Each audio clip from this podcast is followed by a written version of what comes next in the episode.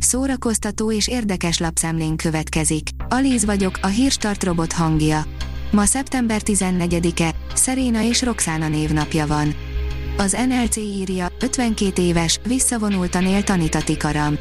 Bár 1988-as slágere, a Twist in My Sobriety sikerét sosem tudta felülmúlni, Tanita Tikaram a mai napig ír új dalokat és aktívan koncertezik. A Joy írja, J-Lo őrületes szedben érkezett a Met Ben Affleckkel újabb mérföldkőhöz érkeztek a vörös szőnyegen. Pár napja a Velencei Filmfesztiválon debütált a sztárpár másfél évtized után a vörös szőnyegen, most azonban olyat tettek, amire nem sokan számítottak. Bejött a papírforma, Justin Bieber lett az év előadója az MTV VM magálán, írja a Márka Monitor. Idén is gazdára találtak a népszerű zenecsatorna astronautás szobrai. Az MTV VM a díját adó közönsége a New Yorki Barclays Centerben láthatta a legnagyobb nemzetközi popstárok világszínvonalú performanszait. A gála egyik nagy győztese a 22 éves rapper Lil Nas X volt, aki szürreális klipjéért kapott elismerését az LMBTQ plusz közösségnek ajánlotta. A 24.hu oldalon olvasható, hogy Ázsia legjobb színésze a Marvel új főgonosza. Majdnem 60 éves koráig várt, hogy Hollywoodban bemutatkozzon, de előtte sem unatkozott, generációjának legragyogóbb színészeként tartják számon Ázsiában. A könyves magazin írja, Kőhalmi élvezi a klímakatasztrófát.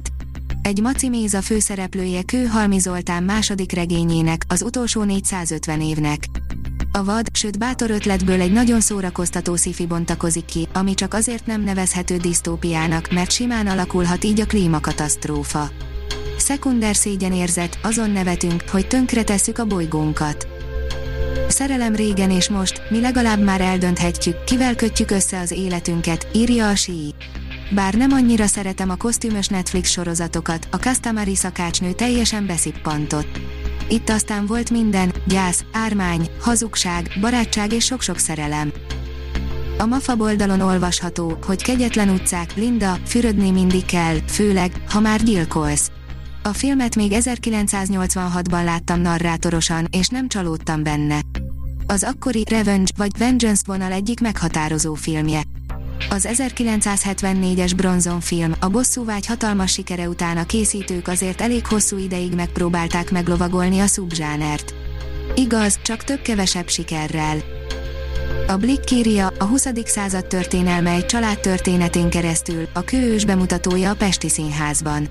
Nehéz titkokat rejthet egy ház, amely az évtizedek alatt többször is gazdát cserélt, és így családról családra, generációról generációra hagyományozódtak a kertben és a falakban eltemetett történetek. A színház.org oldalon olvasható, hogy Frivol, kortárs néptánc előadást rendezett Alföldi Róbert az Átriumban. A 18 éven felülieknek szánt produkció szeptember 14-én kerül első alkalommal közönség elé. Az Átrium ajánlója Alföldi Robert rendezésében és a Varidens társulat együttműködésével kerül az Átrium színpadára egy kortárs néptánc előadás, a Frivol, Istenről, hazáról és családról, valamint arról a valóságról, ami a hangzatos jelszó mögött van.